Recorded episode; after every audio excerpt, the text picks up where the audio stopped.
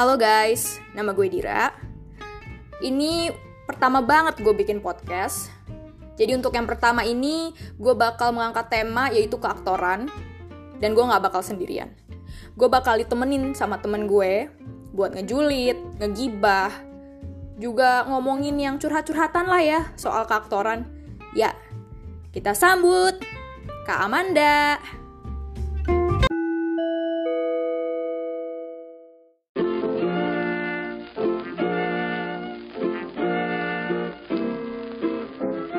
Halo, ini uh, namaku Amanda.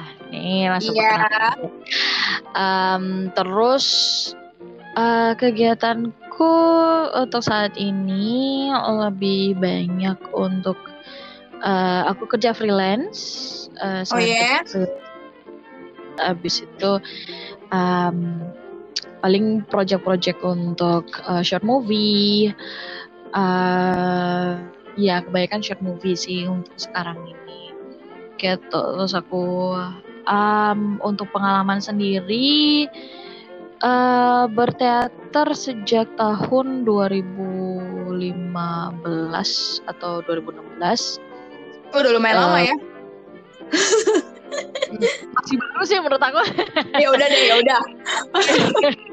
Terus eh apa lagi ya? Hmm, selain Pengalamannya pengal- dong.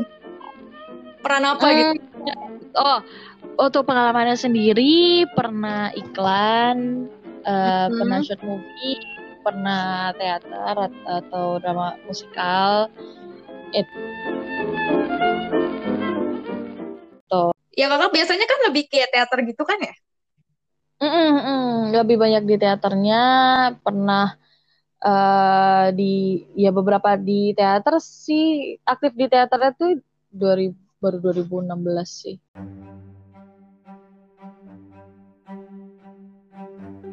Ceritain dong Oh. kak pengalaman terserunya gitu. Peran apa yang paling disukain gitu? Apa tuh? Iya Paling ceritain.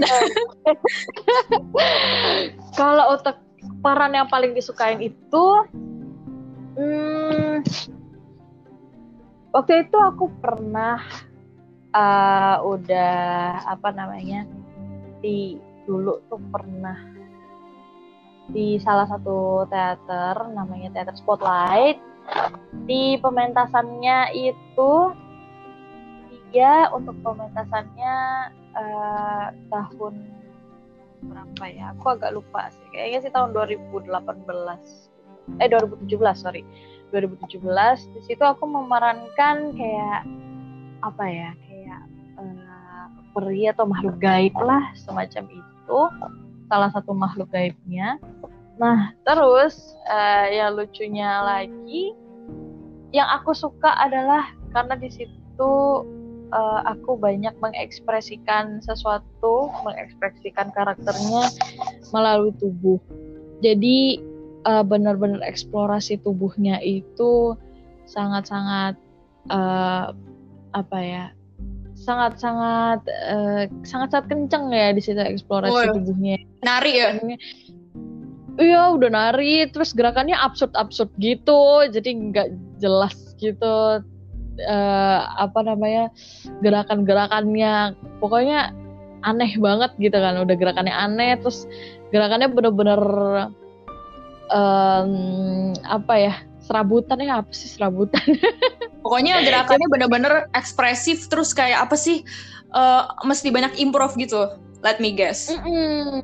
Mm, Oke bener deh. bener banget makanya di situ aku paling favorit banget itu jadi karena melatih ketubuhan aku banget kayak eh, peri-peri konyol gitu sih. Kalau aku bilangnya peri aja ya. soalnya ini sebenarnya makhluk yang tak kasat mata gitu. Jadi makhluk makhluk ya makhluk imajiner. Di situ tuh perannya konyol banget. Eh benar-benar melatih ketubuhan aku sama eh, mengeksplor ketubuhan aku. Aku bisa sampai mana sih? Aku konyolnya bisa sampai mana sih? Gerakan aku tuh konyolnya bisa seperti apa Em, explore ketubuhan aku tuh aku ngerasa di situ gitu ke- jadi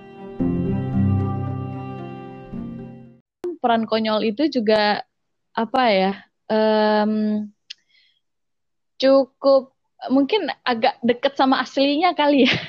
Oh, Jadi itu aku menurut aku aku bebas gitu di situ. Kalau kalau kamu sendiri gimana? Selama kamu berteater apa sih peran favorit kamu? Peran eh wait, ini udah kamu? masa itu doang? Perannya ada dua yang favorit nih, dua nih. Yang oh, pertama okay. tuh, yang pertama tuh perannya namanya Dina gitu kan.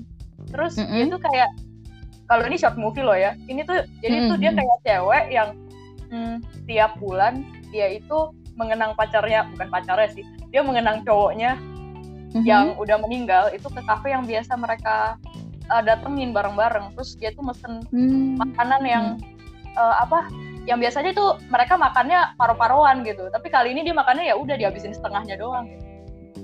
Mm. sedih banget oh, ya gila. Aduh. Banget iya. Iya.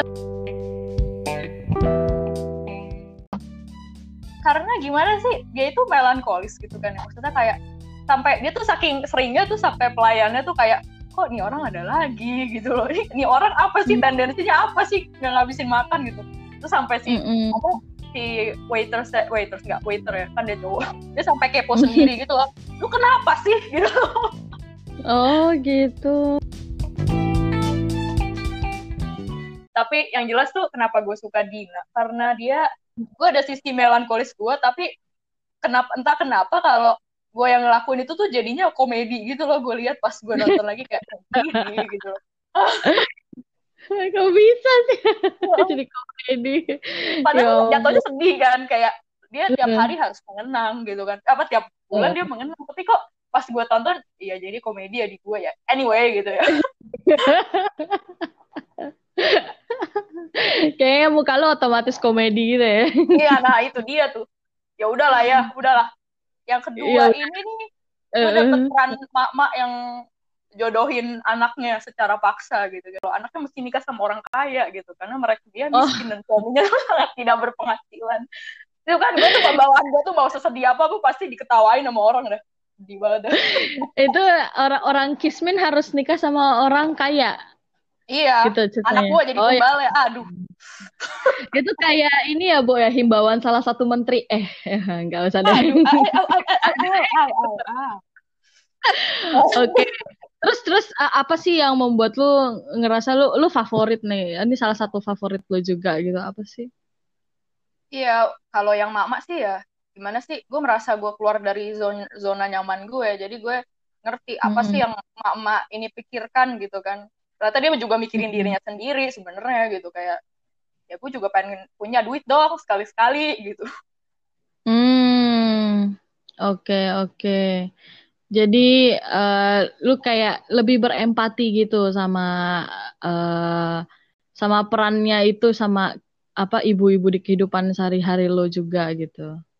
Iya sih tapi kalau udah dijodohin aduh gue kasihan juga sih sama ceritanya tapi ya udahlah itu cuma cerita ya anyway Oh. Oke, okay. lucu banget sih. Ya, ya, ya, seru, seru, seru, seru. Eh, tunggu dulu. Itu Kamanda tuh yang peran itu yang pakai baju merah-merah, bukan sih? Iya, iya, betul, betul. Iya, betul yeah, sekali. Uh -uh. Itu peran, peran, peran uh, favorit tapi absurd tapi favorit gitu loh. Jadi benar-benar aku merasa aku bebas banget di situ, bebas bebas bebasnya itu di situ. Jadi makanya jadi favorit. Jujur, itu make up sama hmm? kostumnya gue suka sih itu. Kayak surrealis gitu loh. Iya iya iya. Uh, seru ya ini ya. Apa? Uh, aku juga suka banget sih sama make up sama ini ya. Uh, apa kostumnya itu eye catching dan mendukung banget gitu perih banget gak tuh? Kalau kalau lo sendiri, uh, kalau menurut lo nih uh, peran yang itu kan yang favorit ya. Kalau menurut kayak yang paling hmm. susah itu waktu peranin apa sih? Peran paling susah itu tuh gue jujur hmm. waktu itu gue pernah nih short movie buat festival. Nah, hmm. ini ceritanya karena ini cuma dinamain karakter A doang ya akhirnya pakai nama gue kan maksudnya kan kayak ya gitu lah ya emang mm. eksperimental gitu ini susah nggak mm. tahu kenapa ya menurut gue ini susah karena ini mencerminkan diri gue yang waktu itu masih nggak pede nggak tahu cara ekspresiinnya dan gue mungkin belum aware sama diri gue kalau gue nunjukin diri gue nggak pede itu gimana sih gitu loh dia anxiety hmm. dia depresi dia nggak punya temen dia diketawain gitu loh kayak ya gitu lah hmm. kayak gimana sih itu lebih susahnya karena gue malah susah kalau meranin yang mirip sama gue gitu lu gimana pak yang susah apa kalau gue yang susah menurut gue susah ada dua ya uh, pertama tuh uh, yang pertunjukan terakhir itu yang di tahun kemarin itu susah sih menurut gua gitu. Uh, hmm. Tantangannya adalah gue harus bisa uh, bahasa Jawa gitu dikit-dikit gitu kan apa ada aksennya um, aksennya aksen Jawa itu kan juga beda-beda kan. Ada yang Jawa Jawa aksen Jawa yang kayak Surabaya sama yang Jawa uh, Tengah gitu kayak Jog atau Jogja atau Solo. Itu kan beda kan. Nah ini kalau pas ini tuh uh, specifically itu Jawa Jogja gitu. Jadi kayak udah oke okay, Jawa Jogja.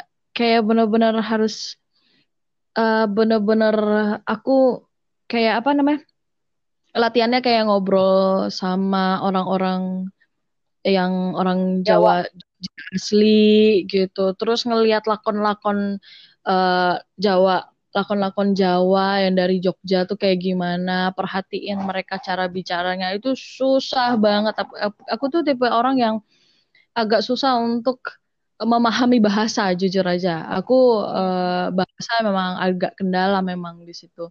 Itu benar-benar belajarnya bulanan dan itu paling uh, prinsipku paling enggak aku uh, aksennya dapat gitu karena kan memang sebagian besar bahasa Indonesia gitu kalau misalnya kita pentasinnya bahasa Jawa semua kan orang nggak ada beberapa yang tidak paham nah itu susah banget uh, aksen Jawa Jogja itu seperti apa terus bahasa Jawanya kan juga mau nggak mau aku harus uh, pelajarin juga gitu paling nggak bahasa sehari-harinya.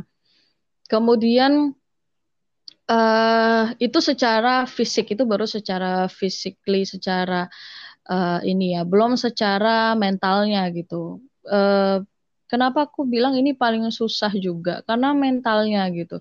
Ada beberapa pada saat aku masuk ke peran ini ada beberapa prinsip yang sama yang bisa aku terima. Ada beberapa prinsip yang tidak bisa aku terima dalam kehidupan aku sehari-hari gitu dalam prinsip hidup aku gitu. Contohnya kayak Hmm, aku setuju pada prinsipnya si karakter ini kalau ya hidup itu harus menerima, harus ikhlas gitu.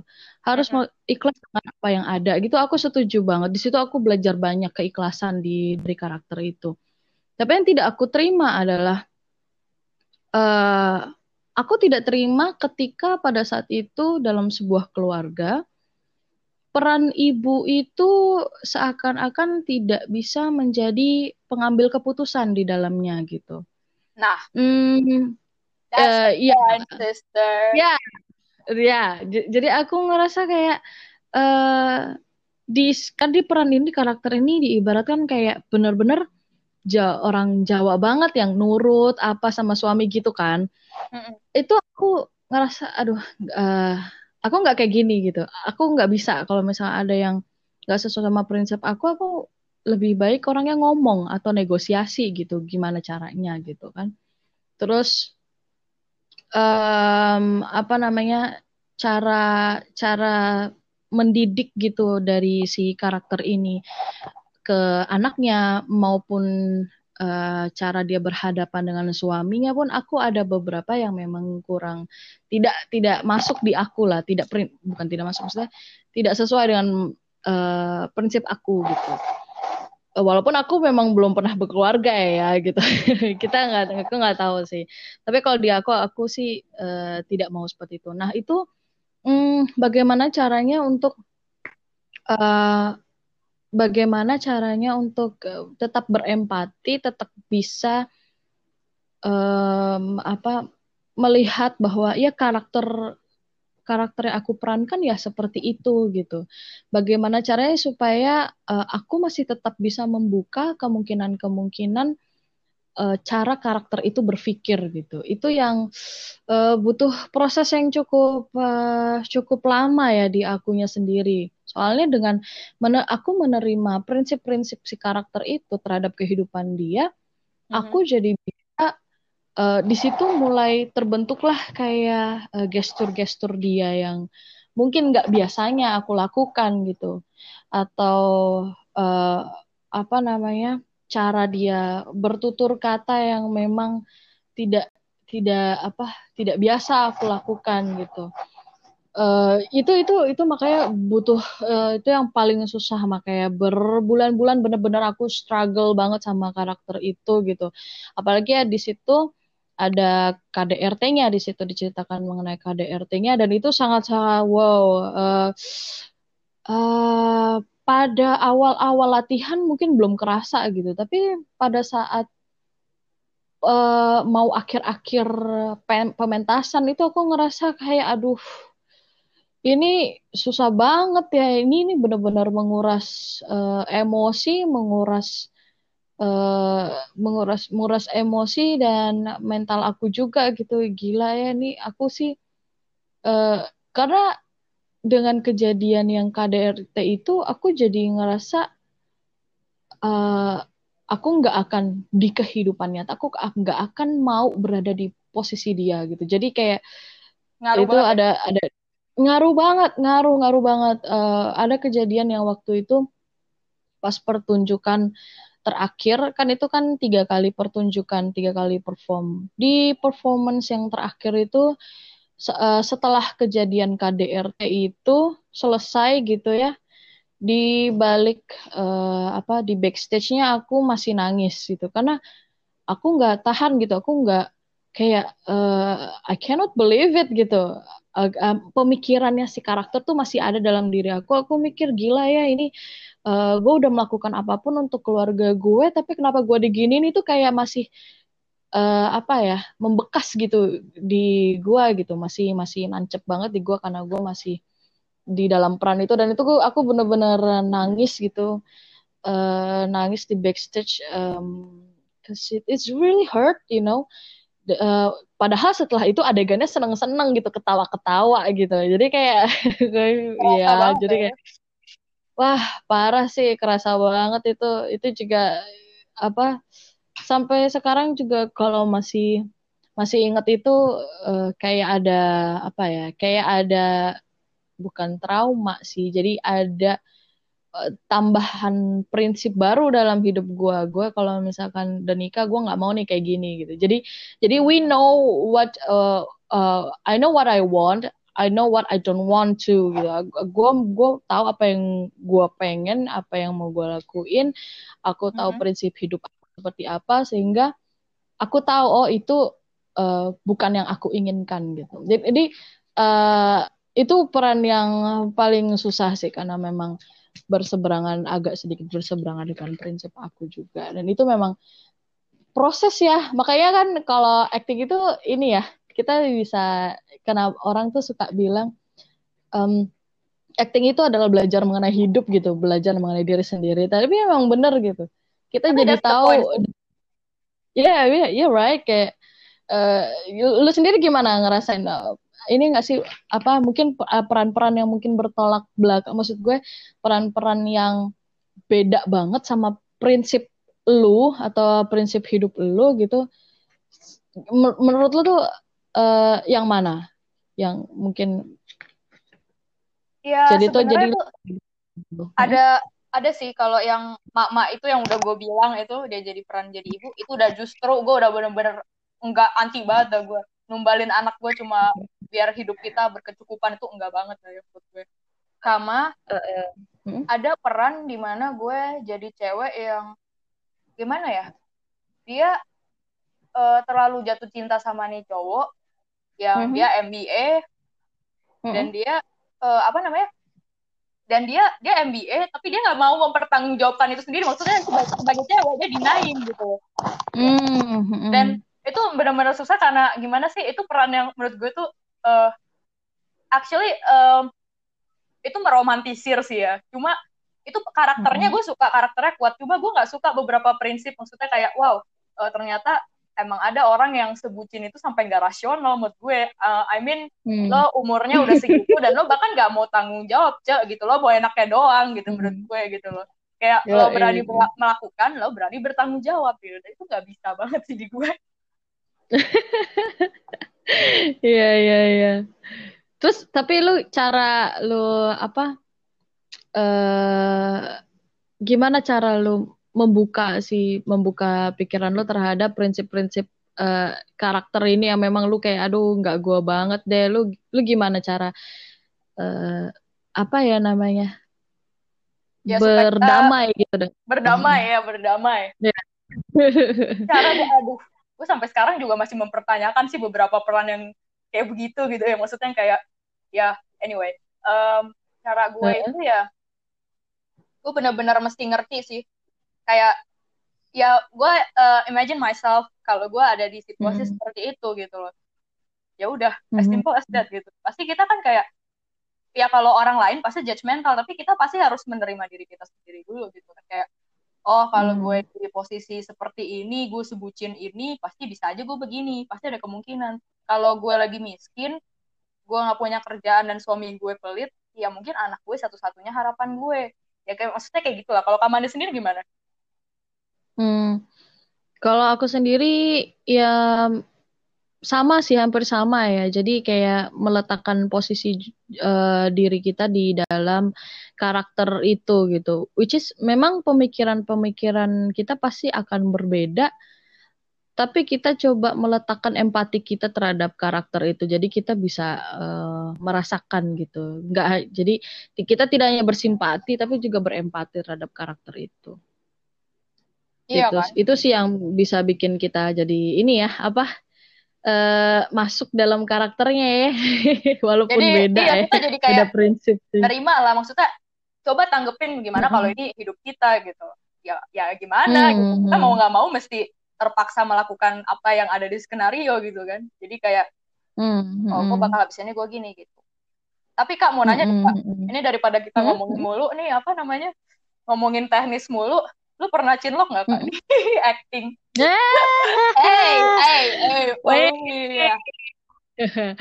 uh, gue sih ya kalau cinlok menurut gue wajar ya. Tapi um, setiap setiap kali gue perform atau dalam proses untuk perform gitu apa pun itu entah itu untuk uh, short movie atau iklan atau apa gitu. Kebanyakan sih untuk uh, perform teater ya, itu pasti aku pernah cinlok sih.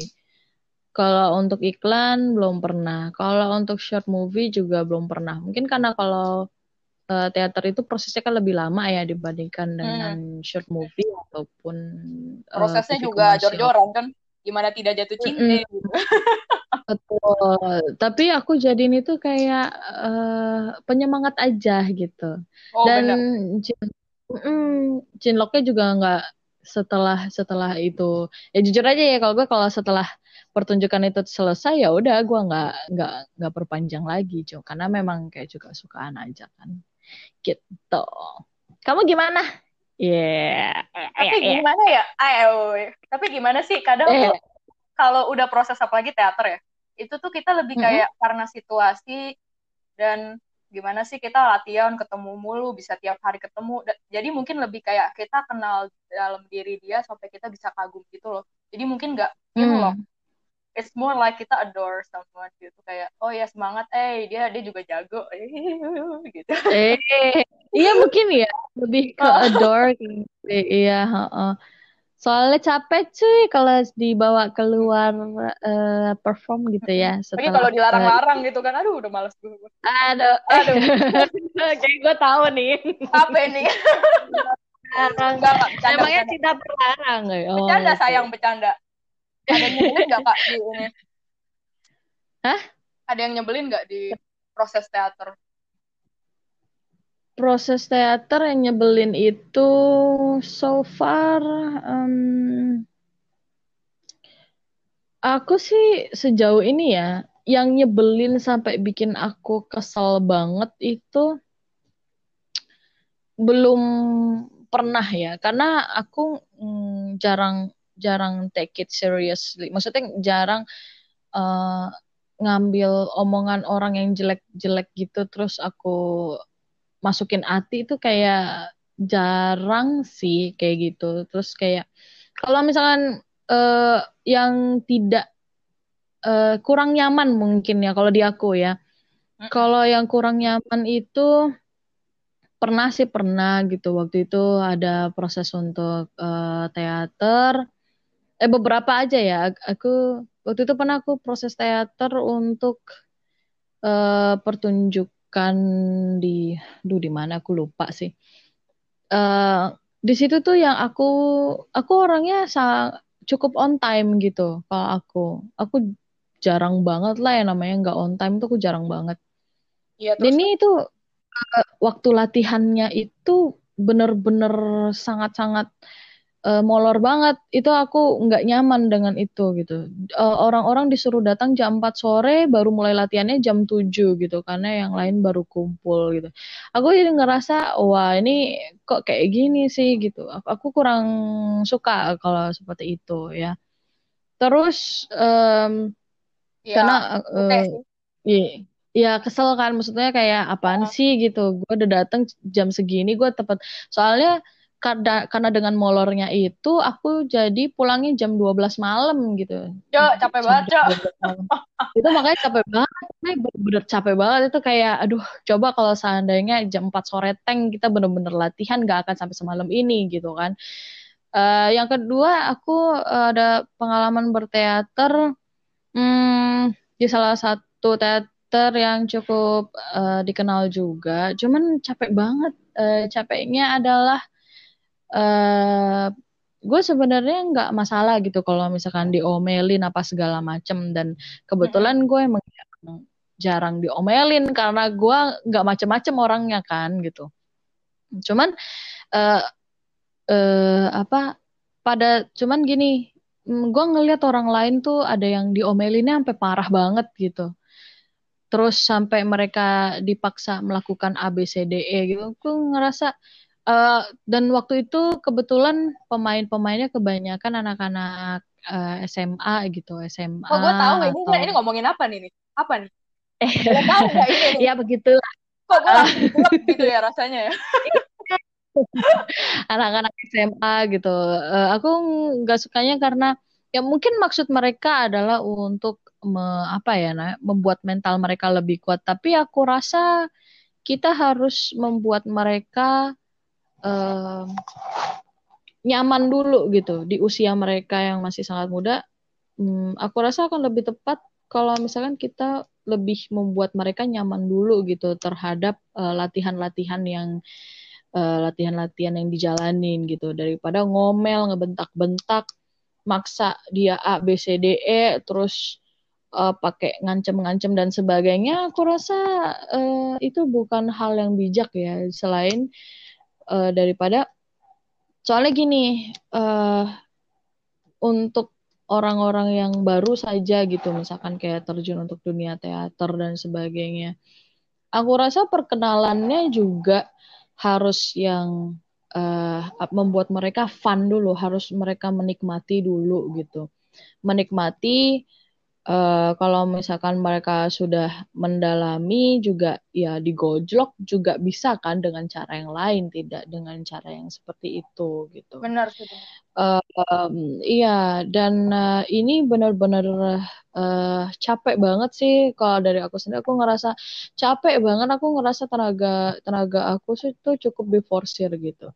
Kalau dari uh, memang um, fun sih cukup ini ya. Maksudnya uh, bagi aku sih aku cukup menikmati gitu. Tapi bagi yang lain yang mungkin dimarahin lah disuruh apalah gitu uh, aku rasa aku takutnya mereka tidak bisa menikmati gitu.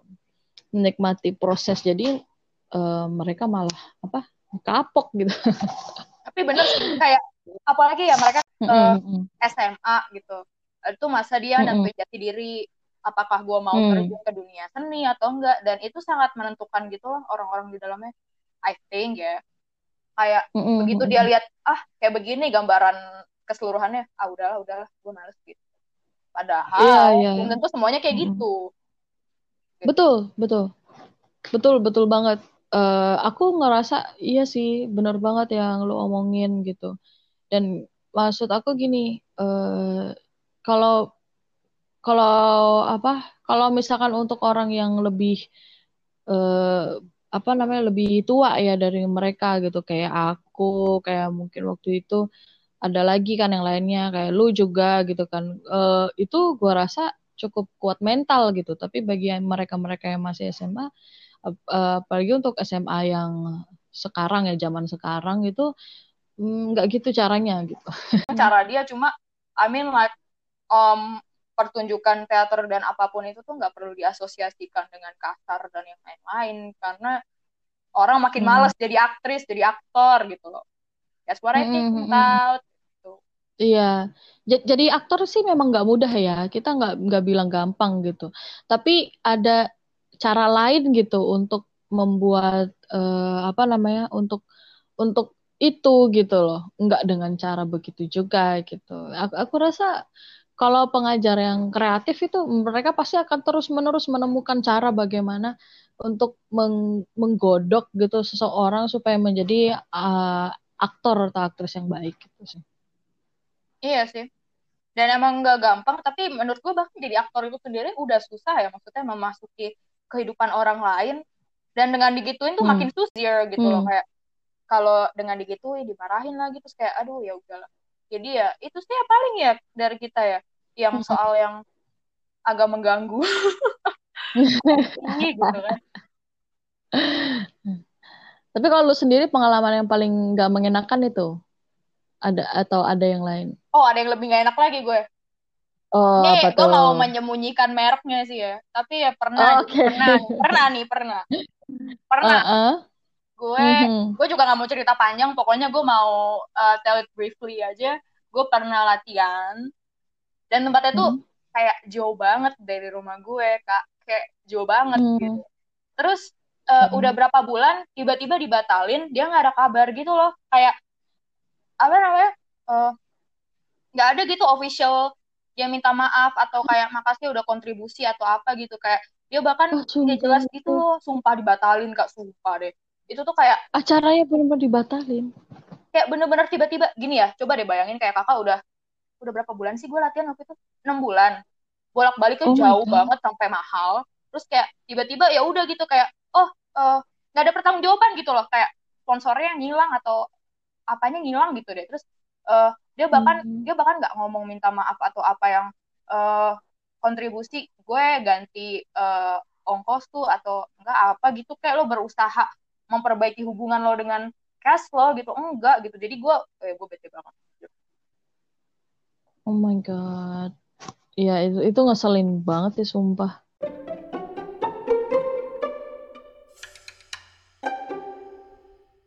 ya anyway. Daripada kita ngomongin yang gitu-gitu sekarang mendingan ngomongin yang lucu-lucu aja karena gue jadi makan bete gitu kan Ya, mulai, mulai dari lu dulu ya. Menurut lo pengalaman lucu apa nih yang eh, yang yang eh, yang eh, unyu-unyu lucu-lucu gitu selama lu berteater atau berakting gitu? apa dulu nih ya dari dari pernah sih gue waktu itu yang acting tapi kayaknya lu pernah nonton deh kak ya yang gue yang itu yang peran gue ceritanya gue ini diam-diam MBA terus gue makan kikil itu gue sangat ini sih gue makin menghayati gitu gue lagi enak banget. Itu apa sih short movie ya? Atau pertunjukan ya? enggak itu yang short movie yang ceritanya dia lagi makan di depan mertuanya. Terus kayak gue enak gitu. Terus kayak enaknya gue kelihatan natural gitu. Eh, gue tahu deh. Oh my god. Aduh, kenapa menurut lo itu uh, apa uh, yang bikin menurut lo setiap inget itu ngakak tuh apa sih? Ya ngakak gue sampai sekarang belum makan kiki lagi, gak.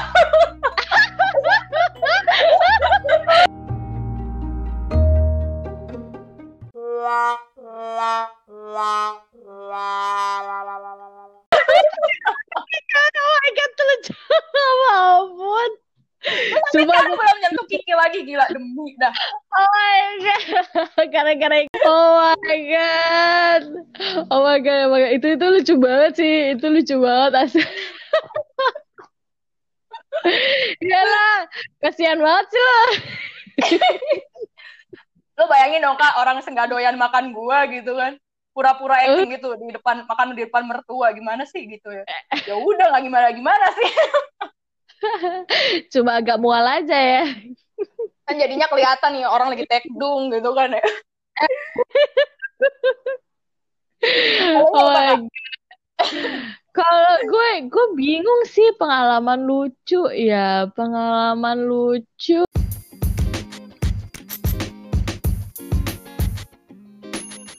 Pernah sih, tapi pas latihan. Ini cuma Apa pas itu? latihan aja. Jadi ceritanya eh, gue sama partner gue ini, sama temen gue ini, eh dia dia itu berperan jadi eh, bapak-bapak, jadi suami aku gitu. Aku jadi istrinya. Kirana kan. Terus cerita- Terus ceritanya pas di latihan itu eh ya aku ceritanya kan jadi istrinya dia ya, berlaku sebagai istrinya dia. Terus tiba-tiba dia di sebelah gue pas Hmm. lagi latihan nih proses latihan ketawa gitu. ketawa. Gue bingung kan. Nih kenapa kayaknya nggak ada di skrip dia ketawa gitu kan. Terus lo ikutan ketawa nih. Enggak, gue masih tetap berusaha in karakter gitu. Which is di karakter itu di saat itu dia nggak ketawa, cuma bingung aja gitu kan tampang gue. Terus dia bilang stop stop dulu stop gitu. Kenapa lu dia udah ketawa kayak nggak ada di skrip deh. Dia bilang gini, baper gue mana? Apa itu? Apa itu? dia bilang gitu gitu. Dia bilang, ya gue sampai baper lu ada di samping gue. Ini acting lu hebat banget sih. Dia bilang Dia kayak gitu. Jadi, tuh waktu itu lagi Oh acting ini ceritanya. kak cinta. ceritanya tuh eh, ceritanya istrinya itu lagi eh, apa ya lagi mau lagi ngob- ngomong gitu sama suaminya gitu. Lagi ibaratkan kayak merayu supaya dia itu stay aja di rumah gitu nggak usah pergi-pergi gitu. Terus tiba-tiba dia ketawa gitu makanya kayak apaan sih ini orang? Dia ngomong gitu coba. Baper gua mana lah. Apa ini? Apa ini? Emang suami istri begitu ya. Aduh ya mas, mas. Lagi lainnya dong mas gitu. itu yang nonton tuh ketawa semua gara-gara gara-gara kita juga bingung lah ini anak kenapa ketawa? Terus alasannya begitu kita ngakak banget. Itu itu itu lucu sih dan menurut aku kayak hah? Gue aja bingung gitu itu tuh cuma lucu banget sih itu pas latihan gila gila itu itu salah satu yang belum bisa gue lupa kejadian itu kayak itu udah bikin ngakak asli Eh tapi jujur gue pernah juga tuh kayak gitu tuh. Di ini Eh. pementasannya kita tuh kak. Tapi ini gue sama cewek-cewek yang lain gitu. Yang Oh, itu gitu. tuh pemeran utama. Itu oh eh dia ber- berdirinya tegak. Kita langsung kayak "Ah!" gitu. oke. Kayak gue dengan bocil-bocil SMA dan SMP itu kayak aduh aduh aduh hatiku gitu. Padahal kan bukan partnya kita gitu. Tapi heboh lu ya. Oh, oh, kayak loh gue aja ini gue nggak nggak lawan mainnya dia gitu kan. Ya bingung juga gue itu itu seru sih. Best banget dah itu. Aduh aduh Aduh. gue gitu laki gue mau lihat nonton ya ya laki gue laki gue gitu. Capek gitu. Aduh ya ampun kocak banget sih. Oh my god oh my god. Gila seru banget ya. Kalau itu pas pas masa-masa itu sih ya masa-masa ada itu. ada happy-nya banyak sebenarnya kalau ditelusuri Iya sih. Happy-nya banyak kita dapat apa namanya kenalan kenalan baru. Oh, oh apa eh apa namanya lucu-lucuan bareng gitu ya. Iya lah dapat dapat ini kan kita jadi jadi kenal gitu gua ketemu Gavin Iya. gitu yang orangnya absurd juga gitu Hai Gavin kalau kamu mendengarkan ini sekarang Hai Hai Gavin, udah lama gak ketemu nih.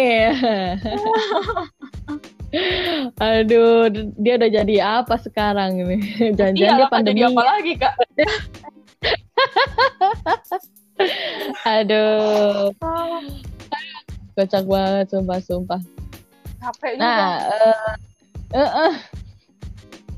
Eh, kalau lu sendiri ini enggak sih apa namanya? eh selain itu ada lagi nggak pengalaman lo yang menurut lo lucu banget nih selama lo mungkin pementasan apa itu short movie atau apa pun gitu?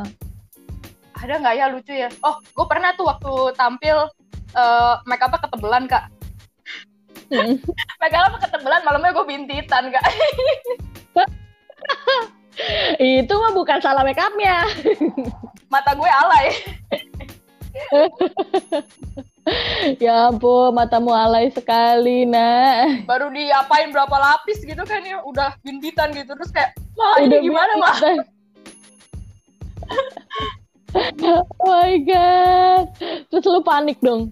Iya orang besoknya masih show gitu kan masa mata gue kebuka sebelah doang kan lucu. itu gue itu kocak nih semua. Oh my god. Sumpah, sumpah, sumpah. ada ini nggak Kocak, kocak itu. ada sutradara ini nggak apa namanya yang akan datang yang ingin bekerja sama gitu ngarepnya sih ya Aduh, film ya? Atau nggak gue udah tahu jawaban apa kak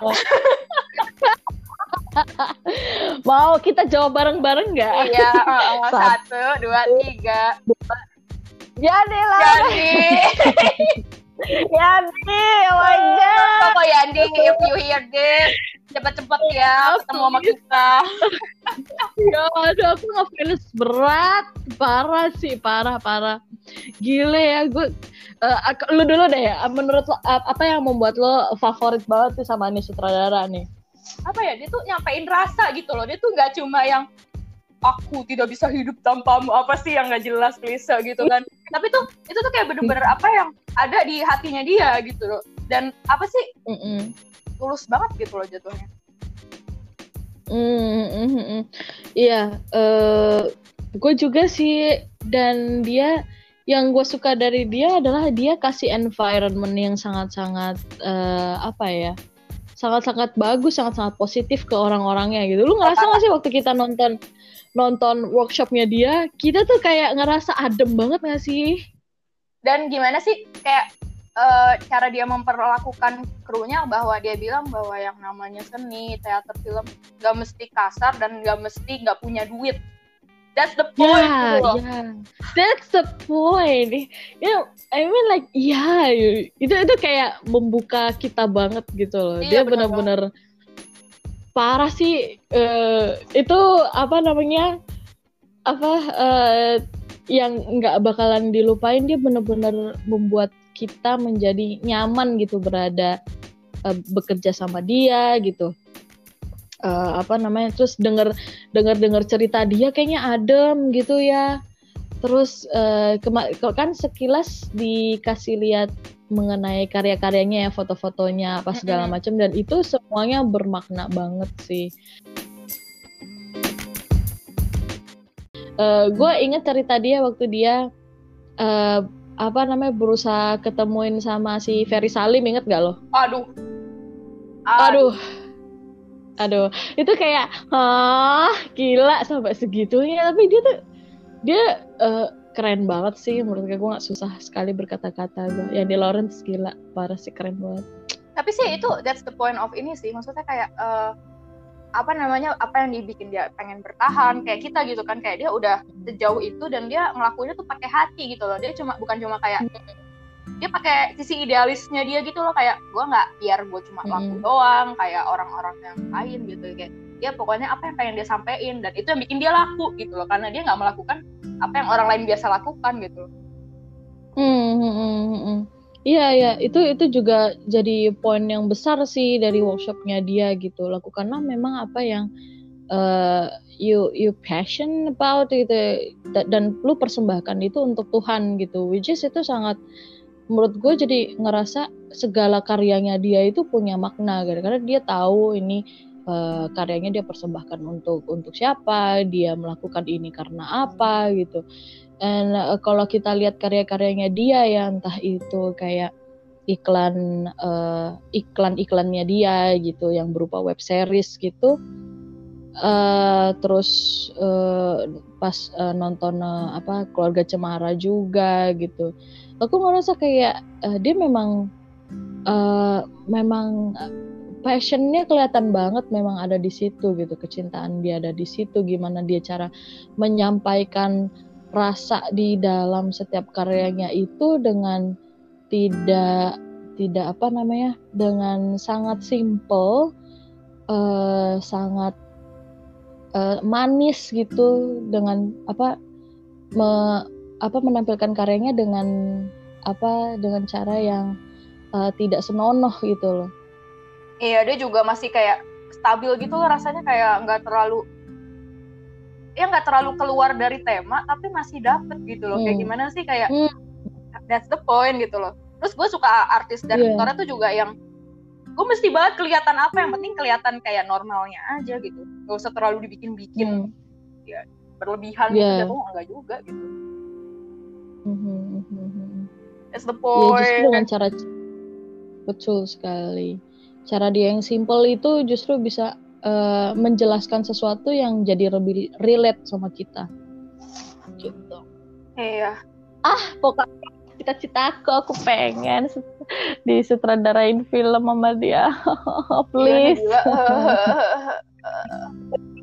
Banyak banget sama dia tuh. Kalau lu sendiri tadi kan lu sempat bilang uh, passionnya dia gitu terus uh, apa namanya kecintaannya dia yang membuat dia tuh masih uh, bertahan gitu di situ. Kalau kamu sendiri kenapa sih apa sih yang membuat kamu tetap cinta dengan dunia uh, apa seni peran gitu maupun dengan dunia seni-seni lainnya? Kan lu juga aktif di nyanyi gitu kan. Apa apa sih sebenarnya yang membuat lu bertahan di situ? Eh itu lebih kayak gini sih.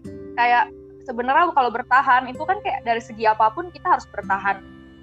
Menurut aku ya hmm. kita mau kerja jadi chef kah mau jadi apalah gitu lah mesti. Karena kita udah sejauh ini lah kak. Maksudnya kayak nggak mungkin dong kita kayak udah sejauh ini terus kayak kita menyanyiakan separuh hidup kita cie ileh gitu. Terus kayak ini cuma jadi hmm. pengalaman doang di apa ya udah dibuang aja di cukup tahu aja ya jangan gitu lah maksudnya kayak kenapa nggak sekalian aja gitu. Kita udah sejauh ini loh kayak nggak mungkin dong. Iya ya. Apa gimana? Uh, ya uh, aku juga sempat aku kepikiran kayak gitu juga sih. Ada beberapa sih yang memang membuat aku masih uh, bertahan gitu di sini. Um, mungkin uh, kita cerita lu kita cerita dulu kali ya kenapa di awalnya mau uh, tertarik gitu untuk masuk di dunia seni peran ataupun seni suara gitu ya. Uh, first waktu aku masih sangat dangkal-dangkalnya dan tidak bisa berpikir apa-apa, cie. gue melakukan gue melakukan itu karena gue suka. Gue melakukan itu karena gue bahagia. Kan gue kan berawal dari seni suara dulu gitu kan, vokal gitu. Aku seneng banget yang namanya uh, nyanyi ya. Maksudnya kayak uh, nyanyi itu hmm, jadi terapi buat aku. Jadi kayak setelah selesai nyanyi, aku ngerasa jauh lebih bahagia gitu. Uh, mm-hmm. Entah itu apakah masih ada nada yang fals atau dan apa sebagainya itu uh, itu di luar itu gitu. Terus acting juga. Hmm, uh, setelah itu kan kalau pas acting, iya iya, uh, itu aku juga ngerasa uh, jauh uh, apa bahagia gitu bahagia banget gitu.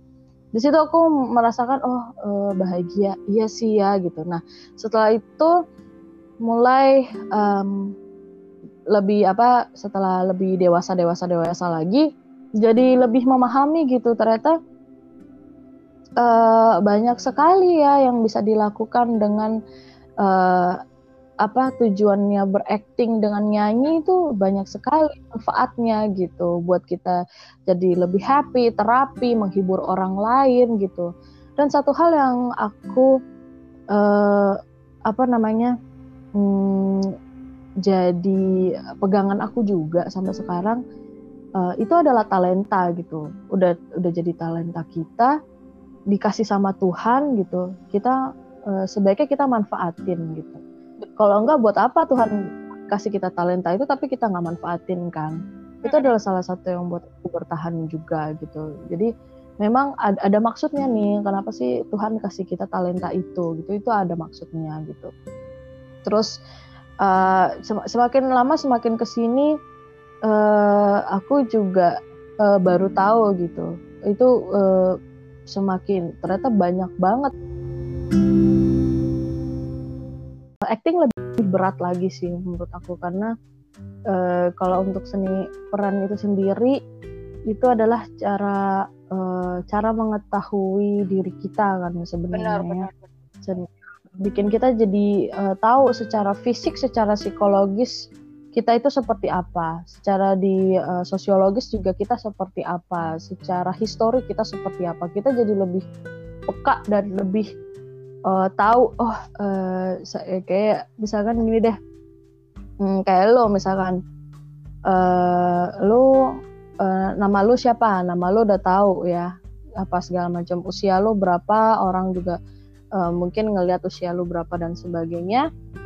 Uh, lo jadi lebih uh, menganalisa psikologis lo sendiri gitu. Kalau misalkan dapat oh. suatu karakter kan lo pasti lo akan membandingin karakter itu dengan diri lo sendiri. Oh iya, gue kalau ada di posisi dia, perasaan gue gimana ya? Apakah perasaan gue biasa aja atau gimana?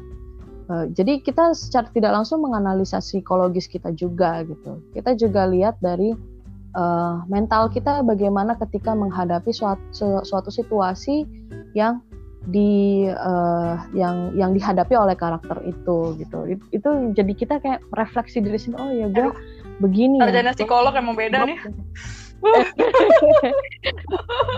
Dan, dan di situ di situ kita juga jadi gali lagi histori kita. Oh uh, eh, gue kenapa ya gue ngerasain ini ketika uh, misalkan si karakternya seperti ini gitu. Emang apa sih yang pernah gue lakukan dulu sehingga gue nggak mau lakukan itu lagi. Misalkan kayak ada trauma gitu ada trauma dalam hidup kita gitu kan.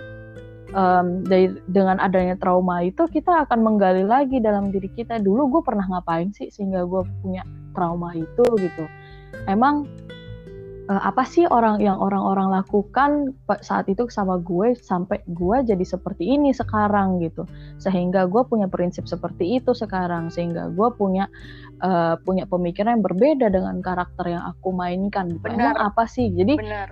jadi uh, ini ini banget nah terus uh, sik, sik, uh, fisik fisik fisik juga fisik juga uh, beda banget gini um, aku, uh, aku mungkin kalau dari aku sendiri aku punya fisik yang uh, jujur aja memang harus sedikit uh, ada kecenderungan dari aku misalkan ketika um, ketika berada dalam situasi aku punya kecenderungan untuk uh, megang-megang tangan aku gitu. Hmm. Tapi kan ketika itu ketika gue menjadi karakter itu, ketika gue cemas akan ada kebiasaan-kebiasaan lain yang memang hanya di yang si karakter itu punya dan gue nggak boleh memasukkan uh, apa kebiasaan fisik gue di dalam karakter itu gitu which is itu akan membuat kita jadi sadar oh iya gue uh, nggak nggak nggak akan mungkin punya kebiasaan fisik yang seperti itu oh gini ya orangnya gitu ya Iya ya kak sih, oh, bener, ya kan, bener gitu banget kan? sih. Itu kayak bener-bener serupa uh, sih. Hmm, hmm, hmm. Terus uh, soal apa lagi?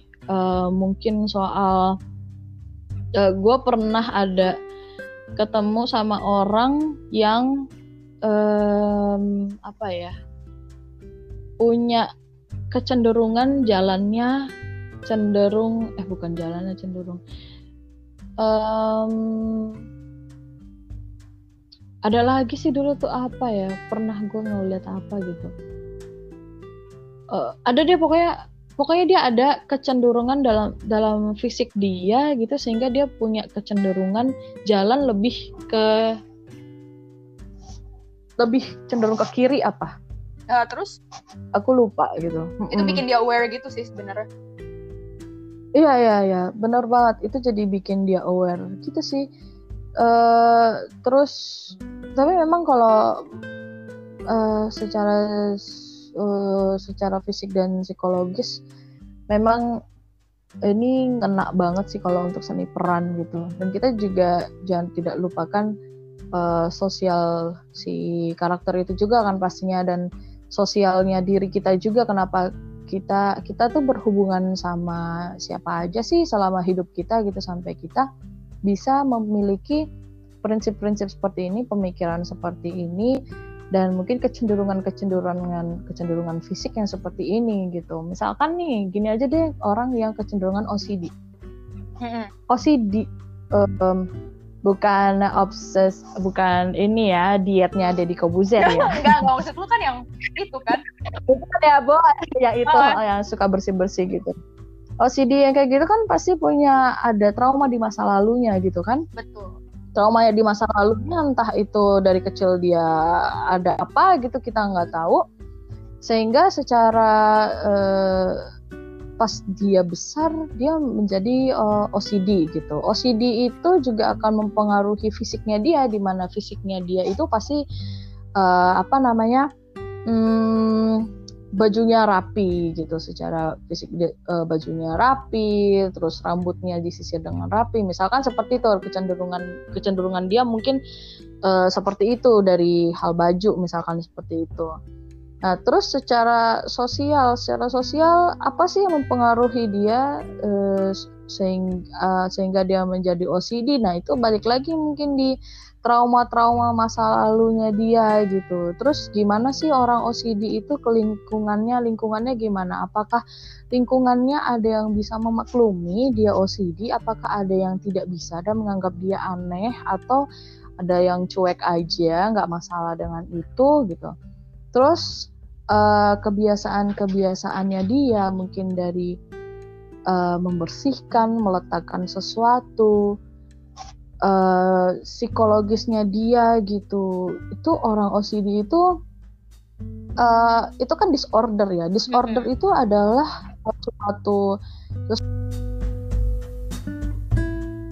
suatu hal uh, atau uh, disorder itu uh, suatu hal yang akan membuat uh, apa namanya uh, mengganggu hidup dia gitu. Adalah hal yang mengganggu hidup dia gitu. Um, seberapa besar sih dia terganggu dengan OCD dia itu gitu. Iya. itu kan juga uh, apa namanya jadi apa ya uh, dan dan seberapa besar dia bisa mentoleransi hal-hal yang ada di sekitarnya yang tidak sesuai dengan diri dia gitu. Aduh, itu banyak banget ya pokoknya. Ini kenapa jadi ngomong psikologis banget ya? Ini kelihatannya jadi kayak ini. kalau misalnya OCD itu dia kayak mesti apa ya kebawaannya enggak sih? Jadi kayak nggak langsung kadang kita juga menjadi orang lain dan bisa kebawa juga gitu kan.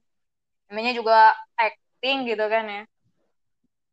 Mm, makin susah makin ini sih makin seru yeah. sih tapi. Iya. gitu sih. Iya sih. Tapi kalau lu sendiri gimana? Eh gimana? Iya, ya udah. gitu. iya. Gitu. Kalau lu sendiri apa yang buat lo bertahan? Ya, bertahan ya yang tadi udah gue bilang kan. ya udah udah sejauh ini gitu ya jangan kita sia-siakan. Waktu yes, uang dan iya. segalanya dan pertemanan dan koneksi dan semuanya itu jangan dibuang lapis iya. Iya sih betul betul.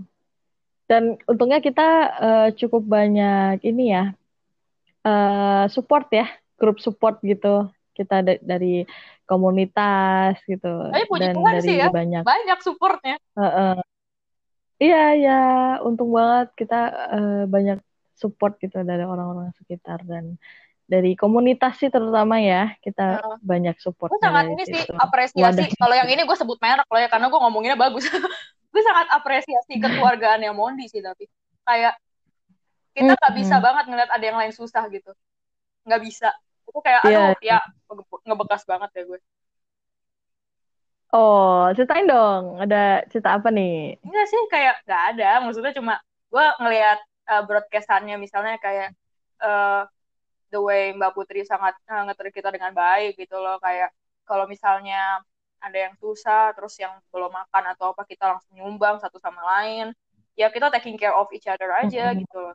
Jangan sampai ada statement yeah. aktor itu nggak bisa hidup gitu loh. Tuh aduh gue gak suka banget ya statement itu. Itu agak gimana gitu ya? Iya sih ini ini menarik banget nih aktor itu tidak bisa hidup Hmm, jawabannya sebenarnya tergantung sih. Kalau kalau menurut gue ya, aktor tuh pasti bisa hidup kalau misalnya dia mempunyai kemauan yang memang benar-benar kuat di dalamnya dan memang sudah mantap gitu. Saya, eh, lu pernah ikut ini gak sih workshopnya dari uh, teater koma? Enggak. Enggak ya. Apa Jadi di sini uh, Tante Ratna Riantiarno sendiri, istrinya uh, Panano, dia sendiri bilang gini, uh, dia dia lihatnya dari segi konteks teater ya, orang aktor teater sih. Dia bilang iya, uh, di bahkan di orang-orang yang di uh, teater koma sendiri itu uh, harus punya sampingan.